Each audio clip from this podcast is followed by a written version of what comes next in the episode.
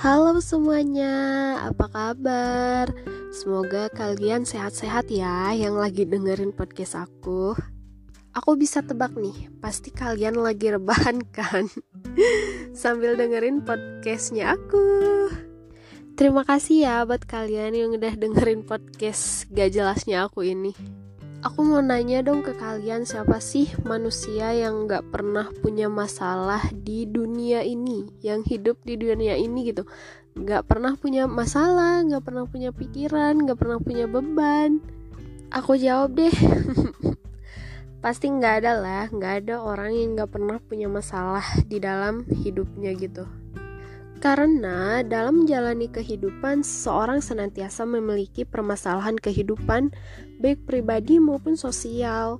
Berbagai permasalahan yang dihadapi manusia, baik pada usia anak-anak, remaja, maupun dewasa, sangatlah kompleks. Permasalahan tersebut tidak cukup dibiarkan begitu saja, melainkan membutuhkan pemecahan yang solutif dan bijak. Bener gak sih? Ya bener lah, masa enggak? Salah satu kondisi yang ingin aku bahas adalah quarter life crisis. Tahu nggak sih kalian quarter life crisis itu apa? Dua potan banget sih. Quarter life crisis adalah perasaan khawatir yang hadir atas ketidakpastian kehidupan mendatang seputar relasi, karir, dan kehidupan sosial yang terjadi sekitar usia 20-an.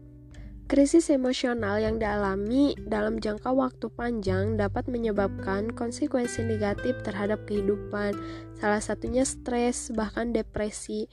Pasti kalian juga merasakan gitu. Di saat umur-umur sekarang atau remaja ke dewasa nih, pasti sering banget rasanya stres, bahkan sampai depresi gitu.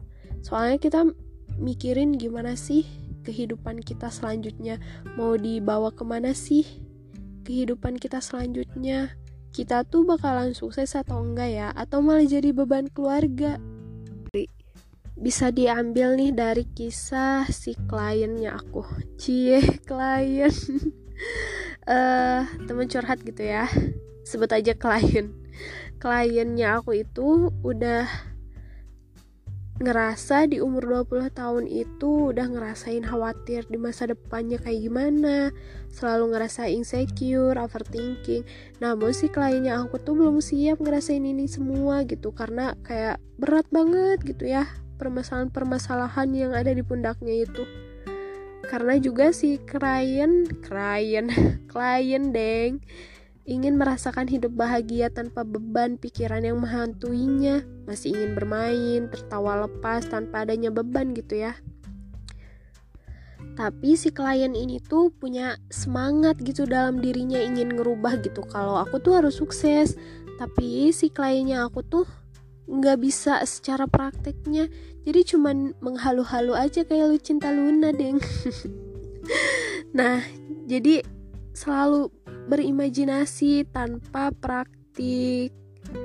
Ya kali kita ingin sukses tapi nggak ada proses perjuangannya gitu kali ya Wak.